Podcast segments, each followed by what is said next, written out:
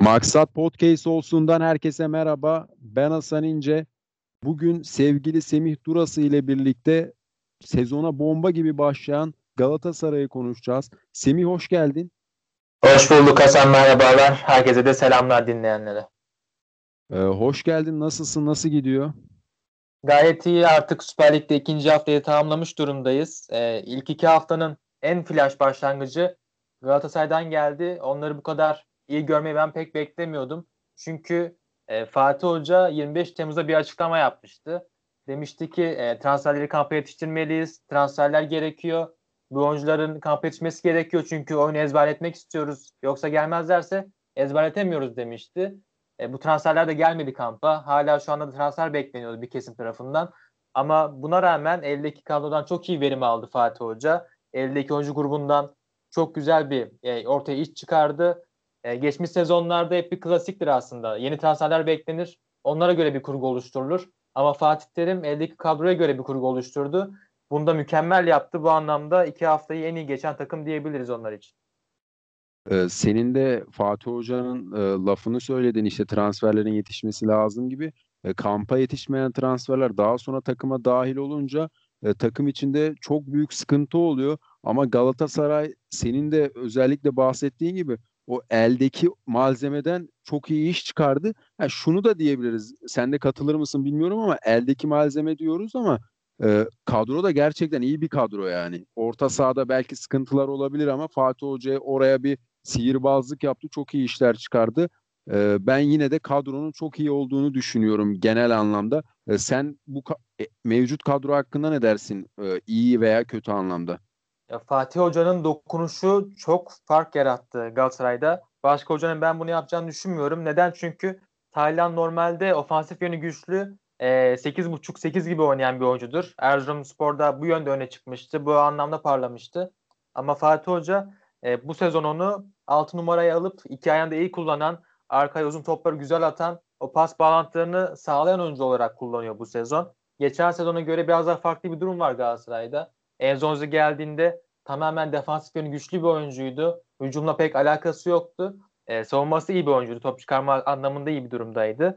Onun ardından hoca e, sistem değişikliği yaptı devre arasında. Seriyi 6 numaraya koydu. İki yönü iyi oynayan, hücumda daha iyi olan bir oyuncu profili olarak onu oraya koydu. Ya seri Premier Lig'de takımının en fazla kilit pas atan oyuncusuydu. Yani hücumda gayet iyi işler çıkarmıştı. Galatasaray'da biz bunu yaptığını gördük Fatih Hoca'nın. Aynı şekilde yine hücumda iyi olan bir orta sahayla Taylan'la bu kadar güzel bir şekilde 6 numarayı değerlendirmek çok değerli oldu Galatasaray anlamında. Ee, onun yanında Emre Kılınç'ın da takımdaki oyun aklı olarak çok olumlu yansıdığını düşünüyorum. Belhan da bu sezon biraz daha ileride konumlanıyor. Takımdaki pas bağlantılarında Taylan'a çok yardımcı oluyor. E, Arda ve Feguli e, son markanın sarkan oyuncular değiller. Biraz daha pivot rolündeler. Topları ayağını tutan, seven bir oyuncular. Onlar da içe devrildiğinde, içe e, iç oyuncusu olarak kaldıklarında bekleri de alan yaratmış oluyorlar. E, çünkü şöyle düşünelim. E, rakip takım bekleri ne karşılık birebir eşleşme olacaksa yani Arda ile rakip beki karşılaşacaksa eşleşeceklerse Arda biraz daha aşağıya geliyor. iç tarafa geliyor. Böylece rakibi ikiye birlik üstünü kurmuş oluyorsunuz destek gelmediğinde. Saraç'ın desteğiyle birlikte zaten bekler hücumu çok seven bekler hem Saraç hem Omar. E, bu anlamda Galatasaray rakiplerine e, hem dinamizmi hem tom, tempo anlamında hem de e, oyunu rakip anda oynama anlamında ikinci bölgede çok büyük oyun üstünlüğü kuruyor. Yani en önemli nokta bence artık Galatasaray bireysellik yerine takım oyununu en iyi oynayan takımlardan biri haline geldi. Evet geçtiğimiz gün bir spor programı izlerken de maçın adamını seçeceklerdi. Ee, seçmekte zorlanabiliriz tarzında yorumlarını görmüştüm. Senin dediğinle bu doğru orantılı. Galatasaray şu anda bireysellikten öte e, takımsal anlamda çok iyi işler yapmaya başladı ve Fatih Hoca birçok oyuncudan da şu anlık iyi verim almaya başladı ama ben ligin uzun bir maraton olduğunu, bu sezon ekstra uzun olduğunu düşünürsek e, yeni transferlerin kesinlikle yapılması lazım. Özellikle orta sahaya e, bu Belhanda ile veya Taylan'la bir sezon geçirmek zor olabilir. Çünkü bunlar da insan, robot değil. E, o yüzden de transferlerin e, kesinlikle olması gerektiğini düşünüyorum. Ama tabii ki de transfer yaparken de kötü yapmaktansa yapmamak daha iyi. Ama bunu dikkatli olmak lazım. E, şimdi sen ön olarak güzel bir başlangıç yaptık. Güzel şeylere değindin ama e, şöyle bir konuya geçmek istiyorum hemen. Galatasaray Lig'e hepimizin de bildiği gibi çok iyi başladı ve bu iki maçta da çok iyi görüntü verdi. E, sen bu iki maça da dayanarak bir genel değerlendirme yapabilir misin? Galatasaray 3, Gaziantep 1 bu maç ve Başakşehir'i deplasmanda 2-0 yenen Galatasaray maçı hakkında senden bir genel değerlendirme alabilirim. E, Galatasaray maçları çok güzel bir şekilde geçirdi gerçekten de. Hemen şu notu da aktarayım. E, Hayduk Split maçı öncesinde yaklaşık 200 saat önce Terim açıklama da yapmıştı. Transfer yapma ihtimalimiz çok zor olarak konuşmuştu. Ya bu anlamda da yönetimin gerçekten Fatih Hoca çalıştığı için çok şanslı olduğunu söylemek gerekiyor. Her zor durumda Fatih Hoca kendini öne atıyor. E, zor durumlarda çıkıp konuşuyor, gerçek durumu anlatıyor. Ama her galibiyette de yönetimin çıkıp açıklama yaptığını da hatırlıyoruz. Fatih Terim yine çıktı. Şu anki e, süreç zor bir süreç dedi. Transfer yapma ihtimalimiz zor gözüküyor dedi. Bunu da aktarmış oldu taraftarlarına. E, çünkü çok büyük beklenti vardı. E, Taylan'ın bu süreci e, nasıl geçireceğini çok merak ediyoruz. Etebo alındı ama şu an o pek kullanılmıyor. Çünkü güzel giden bir hat da var. E, Etebo da geçen sezona göre e, öne çıkan oyunculardan birisiydi. Şu anki takımın performansına göre uzun pas olsun, e, rakipten top kapma olsun bunları iyi yapan bir oyuncu. E, Galatasaray'ın ilk iki maçına gelirsek de Gazişehir'e karşı Gazişehir çok eleştirildi bu maçta. Savunmayı çok öne çıkardıkları konuşuldu. E, çok fazla hücumda e, olmak istediğini söyledi yorumcular e, Gazişehir'in. E, bir anlamda biraz da haklılardı. E, Gazişehir'in çok fazla psikolojik olarak dağıldığını da gördük. Galatasaray maçın başında gol attı. Bunun devamında e, Gazişehir direkt e, psikolojik olarak dağıldılar. 2-0'dan sonra da aynı şekilde 3. gol zaten tamamen savunma hatasıydı. Ama Galatasaray bu maçlarda artık e, Taylan'ın bize yavaş yavaş gösterdiği de maç oldu.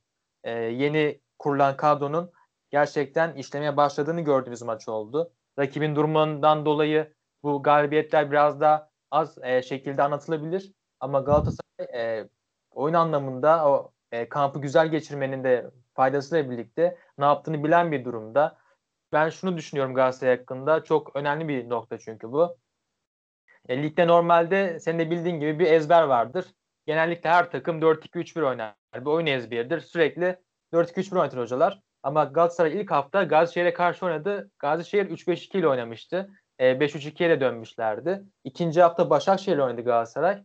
Başakşehir bu kez de 4-1-4-1 ile oynadı. Yani Galatasaray hem e, 4-1-4-1'ü biraz öğrenmiş oldu bu kadrosu bu yapısıyla hem de e, üçlü defansa karşı oynamış oldu hem de beşli defansa karşı oynamış oldu. Şimdi haftaya Fenerbahçe ile muhtemelen 4-2-3-1'e karşı oynayacak. Ya bu oyun zor bir oyun. E, Tayland'a yeni bir misyon yüklendi. Ama aynı şekilde artık e, rakiplerin de farklı oyunlarına ezberlenmiş bir durumda Galatasaray. Yeni yeni şeyler öğreniyor. Bu anlamda da Galatasaray için çok önemli bir iki hafta geçirmiş oldu. Kesinlikle sana katılıyorum. İki hafta gerçekten Galatasaray'ın durumunu özetleyen, açıklayan bir iki hafta oldu ve e, bizlere adeta bir ışık saçtı. Ben izlerken Galatasaray'ı zevk alıyorum. E, takımdaki birçok oyuncu beni cezbeden bir halde. E, şimdi de sen perdenin önünden perdenin önü hakkında çok güzel konuştun. Ben bir de perdenin arkasındaki bir duruma bakmak istiyorum. E, Fatih Terim yeni sezondaki yardımcı Hasan Şaş'la yollarını ayırdı. Ekibine işte Selçuk İnan gibi.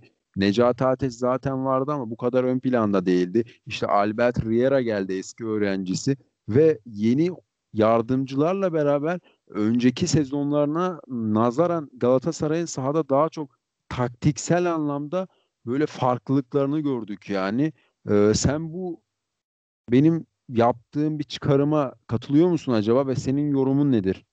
Ya kesinlikle katılıyorum. Bu ekipte bir de çok önemli bir isim de var. Osman Kul var analiz ekibinde Galatasaray'ın. Çok iyi bir analizcidir. Rakipleri çok güzel bir şekilde analiz eder. Bence bu iki maçta biz bunu gördük.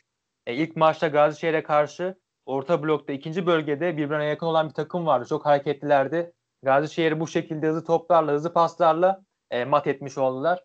Başakşehir'e karşı da çok iyi analiz eden bir takım vardı yine rakibi. E, sürekli Hasan Ali'nin kaldırımın arkasından uzun toplar vardı. Neredeyse her denemeden sonuç almış oldu Galatasaray. E, Hasan Ali'nin o ileri geriye gidişlerinden çok iyi faydalandılar. Çünkü Alexis çok az destek olacağı belliydi. E, destek olamayınca da Hasan Ali çok zorlandı. Buna çok iyi çalışmıştı Galatasaray. İyi hazırla, hazırlanmıştı. Bir diğer nokta da Gazişehir'e karşı e, Falcao çok fazla ceza sahası içinde topla buluştu ve hep de cephedendi bunlar. Yani Fatih Hoca'ya sorsanız takımdaki en iyi e, golcü hakkında nasıl bir beklenti içinde olursunuz deseniz hayal kursa bunu söyler. En iyi o golcüm ceza sahasında topla buluşacak. Hepsi de cepheden olacak derdi ve tam da öyle oldu. Çünkü niye cepheden diyorum önemli olarak belirtiyorum. En fazla gol beklentisi takımınızda bu şekilde ortaya çıkmış olur. Yani rakibi analiz anlamında çok iyi bir ekip var. Hasan Şaş sonrasında o geçiş de güzel yapılmış gibi gözüküyor. Riyara'nın katılmasından da çok memnun oldum. Selçuk'ta futbolu bıraktığı gibi e, ekibe katılmış oldu. Onların takım için değeri çok yüksek ve e, az önce söylediğim gibi Osman Kul'un da varlığı, performans ve e, rakip analizi konusunda Galatasaray'ın gayet iyi işlediğini söyleyebiliriz. Bir diğer isim ise Scott Piri'ydi. E, e, takımın kondisyon e, antrenörü. Onun da takıma kattığı güç güzel olarak gözüküyor. Biraz geç kalmıştı. E, kamp atan yetişememişti aslında. E, ama onun da takıma kattığı bir güç olduğunu söyleyebiliriz. Bu sezon sanıyorum başarı gelirse e, en fazla konuşulan şeylerden birisi Fatih Hoca'nın yanında onun oyunu çok iyi okuyan, takım geliştirmeye çalışan e, antrenörleri de olacaktır. Evet kesinlikle sana katılıyorum. Antrenörlerin çok büyük yararı olacak ve sezon sonunda da muhtemelen bu daha farklı konuşulur. Ee, şimdi de e, Galatasaray'ın yeni sezonda benim en büyük fark ettiğim olayı ise önde baskıydı. Bunu çok farklı şekilde yapıyordu. Özellikle Nefçi Bakü maçında bunu ben bariz şekilde hani herkes fark etmişti ama mesela e, ligimizde de izlerken o maç Arda yedekti. Arda mesela sahada takımı öyle bir yönlendiriyordu ki işte boş alanları veya dolu alanlar işte top Galatasaray'la olduğunda to- takımı yerleştirme anlamında adeta hani takımın saha içindeki aklı oluyordu ve e, Nefçi Bakü maçında da öndeki baskıyla birçok top kaptığını hatta gol de attığını gördük. E, senin bu konu hakkındaki yorumunu merak ediyorum. Birçok şeyden bahsettin ama senin de böyle saha içerisinde gördüğün, bahsetmek istediğin bir şey var mıydı acaba? E, Galatasaray'ın artık oyun yerleşimi, saha yerleşimi çok e, olumlu anlamda gelişmiş durumda. Çok farklı seviyede. Çünkü az önce vurguladığımız gibi o bireysellikten takımdaşlığa dönüşen bir oyun sistemi var Galatasaray'da. E, genellikle şöyle oluyor maçlarda. Marco ve Lundem arkadaki ikili olarak kalıyorlar çakılı şekilde.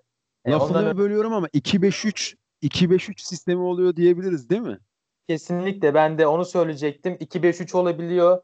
E, onun ardından da e, 2-7-1 gibi sistemde oynayabiliyorlar. Çok farklı şekilde oynayabiliyorlar. Bunda önemli olan da tabii ki orta alandaki takımın birbirine bağlantılarının asla kopmaması oluyor. Çünkü Taylan'ı keserseniz o bağlantıyı koparırsanız bir anda farklı oyuncu örneğin Belhanda direkt rolü üstlenebiliyor, sahip olabiliyor. Belhanda da iki yönde hem ilerideki oyuncu olarak topu alma durumunda e, fark yaratıyor hem de Başakşehir'e karşı da bunu gördük biz. Savunmadan e, o kesişleri de güzel yapıyor. Taylan'a çok iyi destek oluyorlar. Galatasaray'da tabii ki beklerin durumu çok kıymetli oluyor bu noktada. E çünkü o kadar güzel bir ikili var ki defansın ortasında. Hem Marco hem Lünde ama beklerin artık savunma problemlerini törpülemiş olabiliyorsunuz. E, normalde Saracchi Leipzig'teyken gönderilme sebebi zaten zayıf savunmasıydı. E, ben ondan biraz şüpheliydim bu anlamda. Ama Marco ve Taylan öyle güzel kapatıyorlar ki orayı. Özellikle Taylan karşılıyor rakibi genellikle. E, ileri çıktığında bekler. O bölgeleri de Taylan kapatıyor. Ama uzun top atıldığında Marcao devreye girmiş oluyor. Yani o anlamda e, beklerin de ileriye çıkmasıyla birlikte orta alanda 6 kişili 7 kişili bir ekip olmuş oluyor Galatasaray. Oyunu da çok rahat şekilde force ediyor. E, rakibine istediği şekilde üstünlük sağlayabiliyor. Başakşehir'e bu kadar rahat hükmetmek çok değerli bir işti. E, ikinci yarıda Başakşehir o yüzden Crivelli oyunu almıştı. Top çıkartamasın Galatasaray bunu istediler. Bunu arzuladılar. Ama e, 65'ten sonra Yine o bahsi kırdığını gördük biz Galatasaray'ın. Şu nokta çok kıymetliydi aslında. Maç 1-0 iken Fatih Hoca 3 değişiklik birden yaptı. Yani bu 5 değişiklik hakkının takıma kazandırdığı çok önemli bir artı da oldu bu. Hoca 3 tane taze kanı oyuna aldı ve alır almaz da takım artık tekrardan enerji topladı diyebiliriz. Ve 2-0'da bulduktan sonra e, skor rahatça alınmış oldu. Fatih Hoca'nın oyun okuma becerisi de çok yüksek seviyede. Takımda Cagney'i, Babel'i bu isimleri taze tutabiliyor Galatasaray. E, yani bugün Falcao sakatlanmış olsa geçen sezon herkes e, çok üzülmüş bir şekilde ne yapacağız Falcao'suz diye düşünürlerken bu sezon ne çıkıp X faktör olabilir. Bir ay rahatlıkla e, o performansı sağlayabilir. Hatta gelecek maçlarda ben şunu da bekliyorum. Zaman zaman Falcao'yu kesip Jack neydi ilk 11'de görebiliriz. Çünkü E, Cagne de gayet iyi durumda. Hocanın bu istediği rolde e, hocanın hoca ne istiyorsa onu yerine getirebiliyor. Ee, sen Falcao'yu kesip Cagney oynayabilirdin. Ben de sana katılıyorum ama Fatih Hoca'nın bugün bir açıklaması vardı. Sen de görmüştürsün. Ee, ikisi de fiziksel anlamda iyi durumda olduğu zaman beraber de oynayabilirler. İkisi de golcü oyuncu dedi. Oyuncularını bir yandan övdü, bir yandan beraber oynayabilirlerin e, sinyalini verdi bizlere. Fatih Hoca da çift forveti seven bir teknik adamdır. E, bu e, şuna da değinmiştin sen Taylan Antalya'nın savunma arkasını kapattığını beklerin yani. E, Omar birazcık sağ bek kısmında çok çalışkan yani. Aslında yardıma pek ihtiyaç duymuyor ama Saraçi'nin arkasını çok kapattığını söyleyebilir miyiz Taylan için?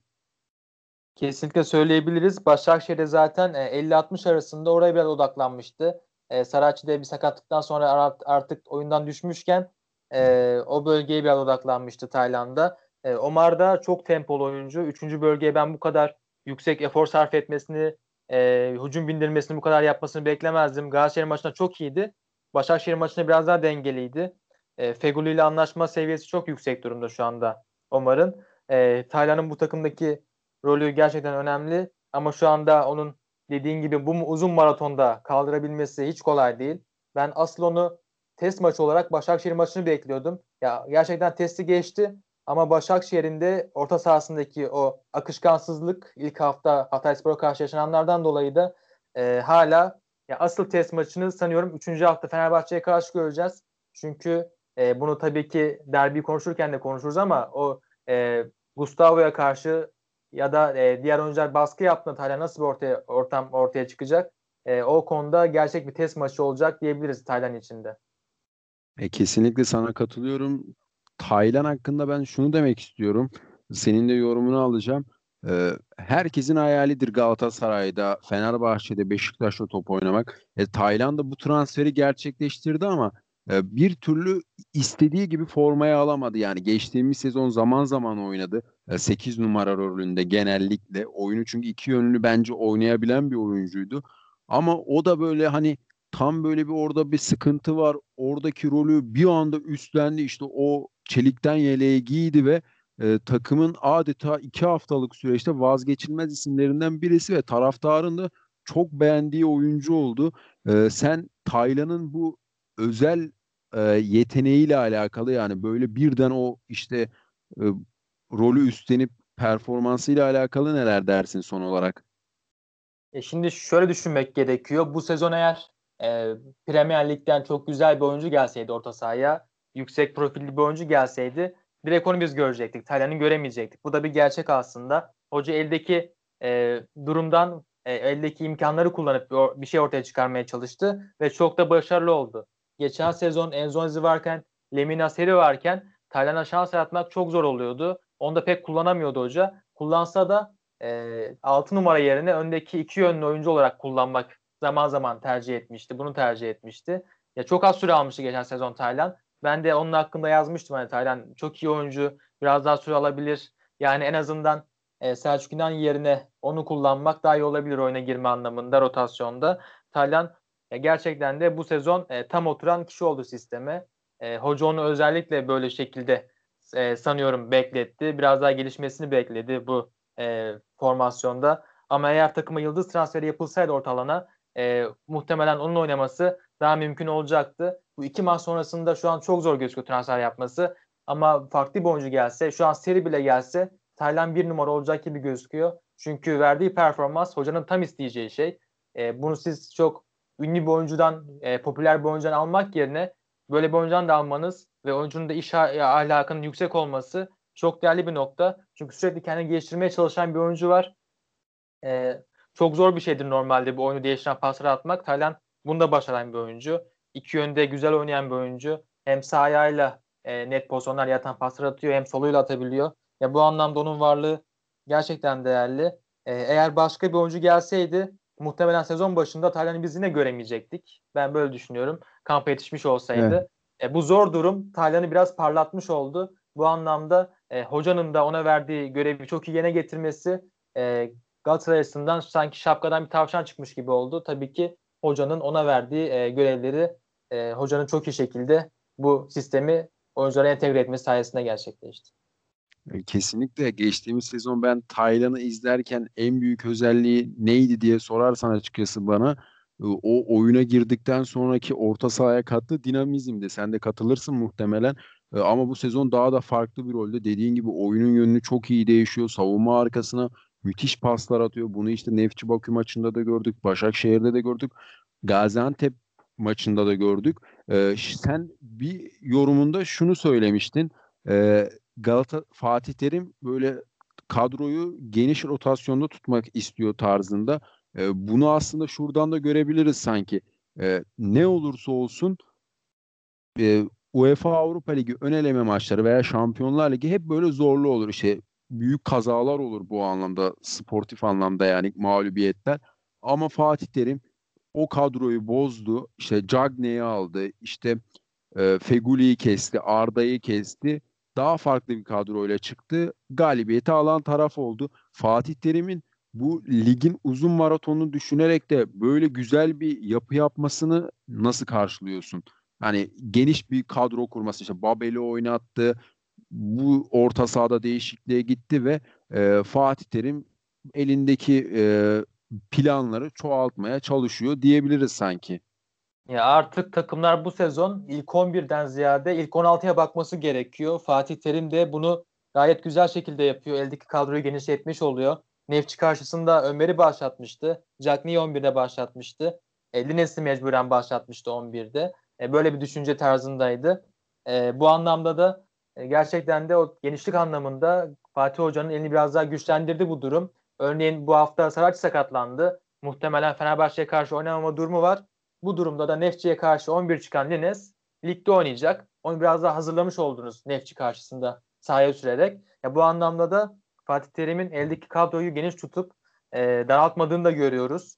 E, Ryan Babel olsun, e, Ömer olsun bu oyuncular artık hazır bekleyen oyuncular. Jackne zaten ilk 11 artık tehdit etme seviyesine geldi. Gayet iyi şekilde pas alışverişi yapıyor. Ya Jackne diyorum çünkü Başakşehir maçında oyuna girdikten sonra büyük fark yaratmış oldu Galatasaray'da. O sırtı dönük topları aldı. E, ikinci golde de zaten onun çizgiye enişi yaptığı ısrarlı baskı ve pastan sonra e, bu gerçekleşmişti.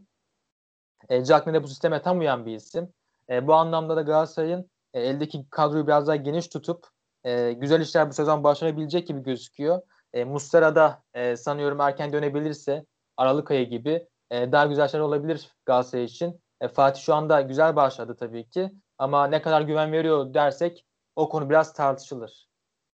E, tabii ki de Mustera arkan yani Mustera'dan sonra geliyorsanız ister istemez o güven sorununu yaşarsınız. Ama ben de ligimizin iyi kalecilerinden biri olduğunu düşünüyorum. Galatasaray'da da fena performans göstermiyor. E, zaten iki maçta da sadece bir gol yedi. Yediği gol de birazcık yani enteresan bir goldü. Çok sert bir şuttu. O da zaten topu göremedi galiba. Ya Fatih hakkında şöyle bir durum da var. Geçen sezon e, Kasımpaşa'da oynarken ilk yarı ligin en fazla kurtarış yapan kalecilerindendi. Yani yüzdeli kurtarışı yüksekti. E, vurulan şutlarda gayet güzel kurtarma sayısına ulaşmıştı. Ama ikinci yarıda çok büyük bir düşüş yaşamıştı. Kurtarış yüzdesi %70'lerden %50'lere kadar düşmüştü. O anlamda e, ben biraz bunu merak ediyordum. Sanıyorum psikolojik bir durumda olabilir diye düşünüyordum. E, Galatasaray'da ben tek endişem buydu o gelirken. Gerçekten de güzel bir başlangıç yaptı. Performansı gayet yerinde. O yediği golde biraz şanssızlık da vardı tabii ki. Ama e, kurtarışlarda yaptığı kurtarışlarda hani bu süreci idare edebileceğini gösterdi. Ama tabii ki ilk puan kaybında bir hata yaptığında muhtemelen ilk olarak hedefe konulacak. Ama Muslera'nın da böyle yaptığı hatalar olmuştu. Tabii ki ikisini karşılaştırmak çok uç noktalar. Bir de şunu eklemek istiyorum. Ya geçen sezon biraz da Galatasaray e, savunmadan pasta çıkan bir takımdı. E, çok fazla güzel bir şekilde yerleşim yapıp özellikle Başakşehir maçı vardı geçen sezon bunun çok iyi örneklerinden biridir. E, kaleciyi de oyuna sokmuştu Galatasaray. Muslera oyun kurulumundaki esas liderlerden birisiydi. Öyle bir durumdu ki e, geçiş oyunlarında Muslera ana beyindi bazı maçlarda zaman zaman. O yüzden ben biraz endişeliydim Fatih'in gelmesinden dolayı. Çünkü ayağı çok kuvvetli bir oyuncu değildir. Aynı oyun oynanacaksa sorun yaratır diyordum. Ama Fatih Hoca bu sezon oyunu değiştirerek Fatih'in de zorlanmasının biraz önüne geçmiş oldu. Eldeki kadroya göre tam bir oyun oluşturmuş oldu. Marco artık oyun kurucu rolünde gibi çok güzel şekilde orta sahaya e, geçişler yapabiliyor, takımı rahatlatıyor. Ya bu anlamda Fatih'in de varlığı çok olumsuz anlamda Galatasaray etkilememiş oldu. Bu süreci iyi yönetiyorlar şu anda. E, bir iki ay kaldı sanıyorum artık. E, Muslera çünkü çok iyi çalışıyormuş. Muhtemelen erken döner. E, bu 2-3 aylık dönemi e, sorunsuz geçirmeye çalışacaklardır tabii ki. Evet Fatih Terim'in de bugün açıklaması var. Muslera Ocak ayında dönecek ama daha da erken olabilir gibisinden çünkü çok çalışıyor dedi. Muslera'nın da spor ahlakını zaten hepimiz biliyoruz. Muhtemelen erken dönecektir diye tahmin ediyorum. Şimdi de e, Fenerbahçe maçından önce kısa kısa oyuncular hakkında bir iki e, bir iki kelime edip daha sonra da Fenerbahçe maçına geçmek istiyorum. E, bu sezon ne olacağı belli olmayan e, ve taraftar bazen hani böyle ta, e, tırnak içine kanser eden bir oyuncu var. Tabii ki de çok iyi bir oyuncu ama Belhanda e, sen Belhanda hakkında ne düşünüyorsun? Çok kısa değinir değinip daha sonra farklı oyunculara geçeceğiz. Ya, e, kanser dediğin anda aklıma direkt Belhanda geldi. Maalesef e, öyle bir durum da yaşandı. Taraftarlar onun sezon başından beri gitmesini dört göze bekliyorlardı.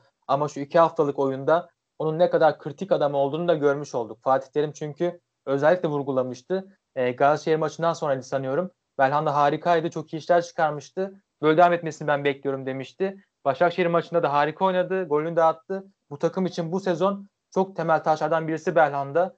Kesinlikle e, onun da destek olunması gerekiyor. Taraftar da bence düşüncesi değişmiştir biraz. E, Belhanda'ya destek olacaklarını ben bu sezon boyunca düşünüyorum. Ben de hemen kısa bir yorum yapayım Belhanda ile alakalı. Benim çok sevdiğim bir oyuncu. E, yeteneklerini çok emin olduğum bir oyuncu zaten. E, bu hafta da çok şık bir gol attı bence. E, ve Galatasaray'ın ilk iki yıl şampiyon olduğunda Belhanda sahada olmayınca rakip kaleye gitmekte çok zorlanıyordu. Ama geçtiğimiz sezon özellikle ikinci yarıda Belhanda'nın saldığını gördük birazcık. Bu yüzden de taraftar bayağı tepkiliydi. Belhanda iyi oynadığı zaman bu takımda çok büyük işler yapar diye düşünüyorum. şimdi de e, Markao'ya geçmek istiyorum. Onun da transfer olayı var. Bir satılacak deniyor, satılmayacak deniyor. E, bu Markao hakkında ne dersin acaba kısaca? Ya Marco bence şu anki takımda ana taşlardan birisi. Ya böyle bir sezonda zaten e, maddi açıdan çok rahat değil Galatasaray. Transfer yapması zor gözüküyor. E, böyle bir durumda e, onun yerine iyi bir oyuncu getirebilmek çok çok zor bir durum. Marco'nun bu takımda olmazsa olmaz isim olarak sayabiliriz. E, onun varlığı çok önemli. E, şampiyonluk hedefliyorsanız artık e, arkadaki ikiliyi bozmamanız lazım. Ya bir takımda en bozulmaması gereken ilk bir şey e, savunma hattındaki ikilidir. Merkezdeki stoper ikilisidir. E, oyun kurma anlamında, e, takımı ileriye götürme anlamında, yerleşim anlamında çok önemli onların varlığı. Marco ve Lundama bence ligin en iyi ikilisi. E, o anlamda Marco'yu gö- e, göndermek 15-20 milyon euro için asla değmeyecektir. Onun takım için değeri çok daha yüksek seviyede. E, Marco'nun takımda kalması az önce de konuştuğumuz gibi bekleri de rahatlatan bir konu zaten. E, mutlaka takımda kalması gerekiyor. Bu sezon e, sürekli üstüne koyan bir Marco izliyoruz. Artık ayak kalitesi de gelişti. Oyunu kurma anlamında da gelişimler gösterdi. Onun takımdaki varlığı olmazsa olmaz durumda. E, ben zaten şu anda kadro yapsam e, Galatasaray'da ilk olarak Marco Lundama yazarım, önlerine Taylan'ı yazarım. O şekilde başlarım. Yani Marco'nun asla gitmemesi gerekiyor. Kesinlikle sana katılıyorum. Ben de şunu ekleyeyim. Marcao'yu izlerken büyük zevk alıyorum. O e, pasla çıkan stoperler, özellikle sol ayaklı stoperlere ayrı bir hayranlığım var. E, Emre Kılınç, e, Taylan bunları konuştuk zaten konuşma arasında. Ben biraz daha böyle hani beklenmedik bir ismi sorayım. E, belki bekleniyordur. Ben öyle diyor olabilirim. E, Ömer Bayram o da Taylan gibi Fatih Terim'in e, sihir yaptığı oyunculardan biriydi ve e, Bakü maçında özellikle ben çok beğenmiştim. E, geçtiğimiz sezonda zaman zaman çok iyi oynadığı maçlar olmuştu ama genel olarak iyiydi. Ömer Bayram hakkında ne dersin? Bu sezon takıma çok katkı verecek mi? E, Ömer Bayram geçen sezon o e, ilk yarıdaki felaket Galatasaray'daki öne çıkan adamdı. Takımı taşıyan oyuncuydu. E, sırtlayan oyuncuydu. Fark yaratan isimdi. Bu kadroda onu sanki biraz da e, rotasyon oyuncusu olarak kadronu söyleyebiliriz. E, bu kadroda daha tempoyu e, sağlayacak oyuncular kullanılıyor. Ömer Bayram'ın son pozisyonlarda, o son paslarında biraz ben sıkıntılı olduğunu düşünüyorum. E, tam Galatasaray seviyesinde o son paslar atmasında çok zorlanıyor. Bu e, takımda mutlaka rol olacaktır, rol alacaktır. Ama onun biraz daha rotasyonda kalması takım için daha iyi olabilir. Zaten çok uzun bir maratondan bahsediyoruz. Mutlaka şans da alacaktır uzun e, fazla fazla maçlarda oynayacaktır. E, Başakşehir maçında e, son bölümlerde oyuna girmişti. Son 5-10 dakika oynamıştı. Muhtemelen e, Hayduk maçında da ilk 11 çıkabilir. Hoca ondan umutlu çünkü geçen sezon ekstra oynayan oyuncularındandı. Çok fark yaratmıştı. Ömer Bayram da bu sistemde e, rotasyon anlamında, takıma dinamizm katma anlamında sonradan girdiği maçlarda fark yaratacaktır. Ama şu anki ilk 11 seviyesinde henüz ben e, onun hazır olduğunu düşünmüyorum. Ee, ben de şu lafına katılıyorum. Rotasyon e, kadroda rotasyon olarak çok iyi bir oyuncu. E, Fatih Terim'in onu e, bir maçın 70. dakikasında topu öne taşımada veya e, skoru korumada her zaman skoru korumak, defansif bir oyuncu almak olduğunu düşünmüyorum. Ömer Bayram'ı alırsınız. Topu size öne taşımada çok büyük yardımcı olur ve e, top rakip sahada kalır. Bu anlamda Ömer Bayram'ın çok iyi bir alternatif olduğunu düşünüyorum. E, keza yaptığı performansa e, şimdi de bu hafta derbi var. E, derbiden önce Avrupa Ligi maçıyla alakalı daha sonra o program yapmayı düşünüyorum. O yüzden derbiye geçmek istiyorum. E, derbide Fenerbahçe ile oynayacak. Fenerbahçe'de e, üreticilik, yaratıcılık kısmında büyük sıkıntılar çekiyor. İşte bunu Hatay maçında gördük.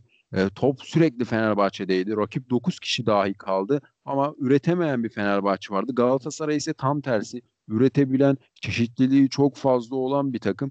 E, senin derbi hakkında yorumun nedir? Daha sonra da kapatalım. E biz şu anda överken Galatasaray'ı ne diyoruz? Çok iyi bir takım oyunu oynuyorlar diyoruz. Ligin en iyi takım oyunu oynayan takımı diyoruz. Fenerbahçe ise bunun tam aksi. E, büyük kopukluklar var takımın içinde. Pas bağlantıları bir türlü sağlayamıyorlar.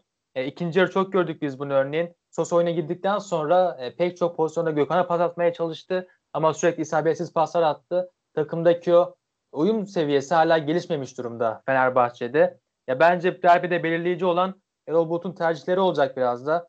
Çünkü Hatay'a karşı bile Tolga ve Ozan oynatmak orta merkezde çok fazla önlem almak büyük bir sorun, soru işaretiydi. Çok olumsuz bir durumdu. Maç öncesinden de biz biraz bunu görmüştük. Çünkü Hatay derinde bekleyen bir takımdı. Yani bu kadar önlemli oynamak hele ki Hatay Spor gibi e, takım savunmasını arkada tutan bir takım için büyük bir e, soru işaretiydi. Nitekim de sonuç alamadılar.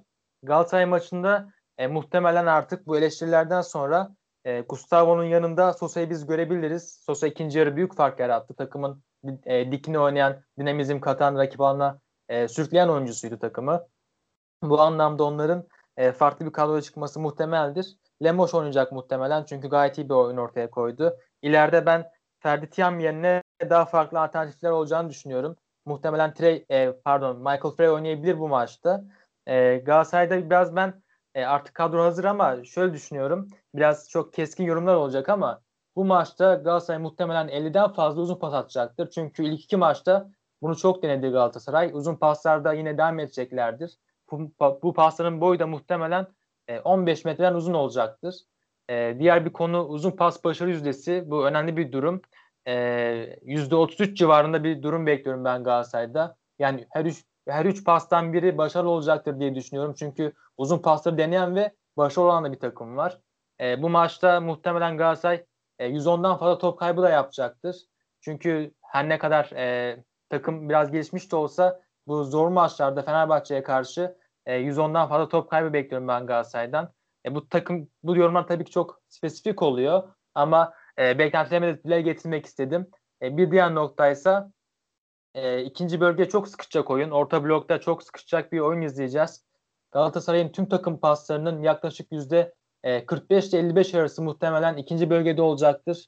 İkinci bölge oyunu çok çözücü olacak bu maçta. Taylan'ın ben Gustavo'ya karşı, Sosa'ya karşı nasıl bir sınav çıkaracağını çok merak ediyorum. E, bu anlamda mükemmel bir maç izleyeceğiz.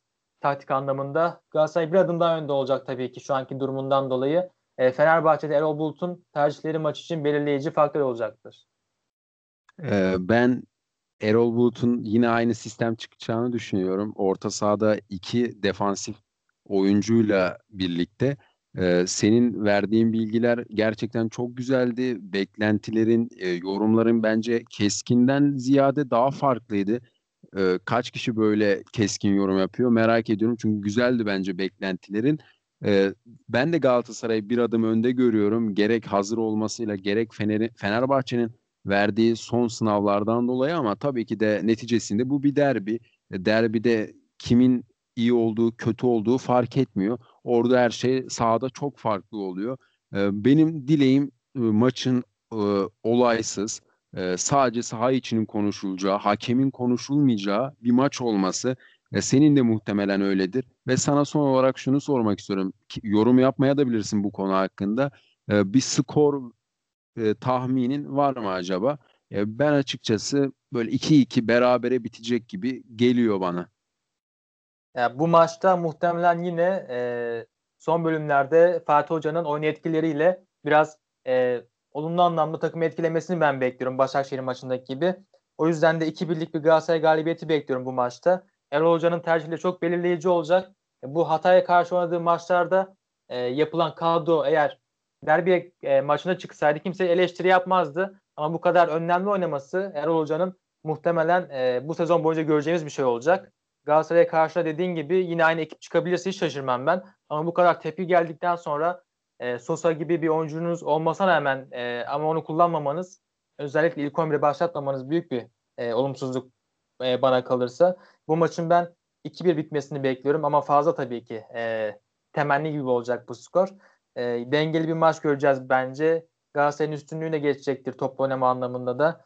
E, dediğim gibi oyun, e, hocaların tercihleri belirleyici olacaktır. Ya tam bir Erol Bulut'a karşı Fatih Terim maçı izleyeceğiz. Geçen sezon hatırlarız Alliance Spor çok fazla Galatasaray'ı mağlup etmişti. Bu sezon ben biraz da işlerin değişeceğini düşünüyorum. Fatih Terim'in tam bir ustalık eserini sahaya sürebileceğini düşünüyorum ben e, hafta iki maçta. E, ben de o tarz bir şeyler bekliyorum. Fatih Terim'in bu maça çok iyi hazırlanacağını, her zaman çok iyi hazırlanıyor gerçi ama Erol Bulut'un da çok iyi bir hoca olduğunu biliyoruz. Müthiş bir karşılaşma olacak. Umarım sadece saha içini konuşacağımız bir maç olur diyorum. Ee, ben katıldığın için, beni kırmadığın için çok teşekkür ediyorum. Ee, verdiğin güzel bilgiler ve yorumlar için de ayrıca bir teşekkür ediyorum. Çok keyifli bir sohbet oldu. Ee, son eklemek istediğin bir şey var mıydı acaba? Yoksa iyi akşamlar diyorum. Ben teşekkür ederim e, davet ettiğin için. Çok keyifli bir sohbet oldu. E, çok teşekkür ediyorum davet ettiğin için. E, dinleyen herkese saygılarımı iletiyorum. E, hoşça kalın diyorum. Kendine iyi bak. Görüşmek üzere. Görüşmek üzere.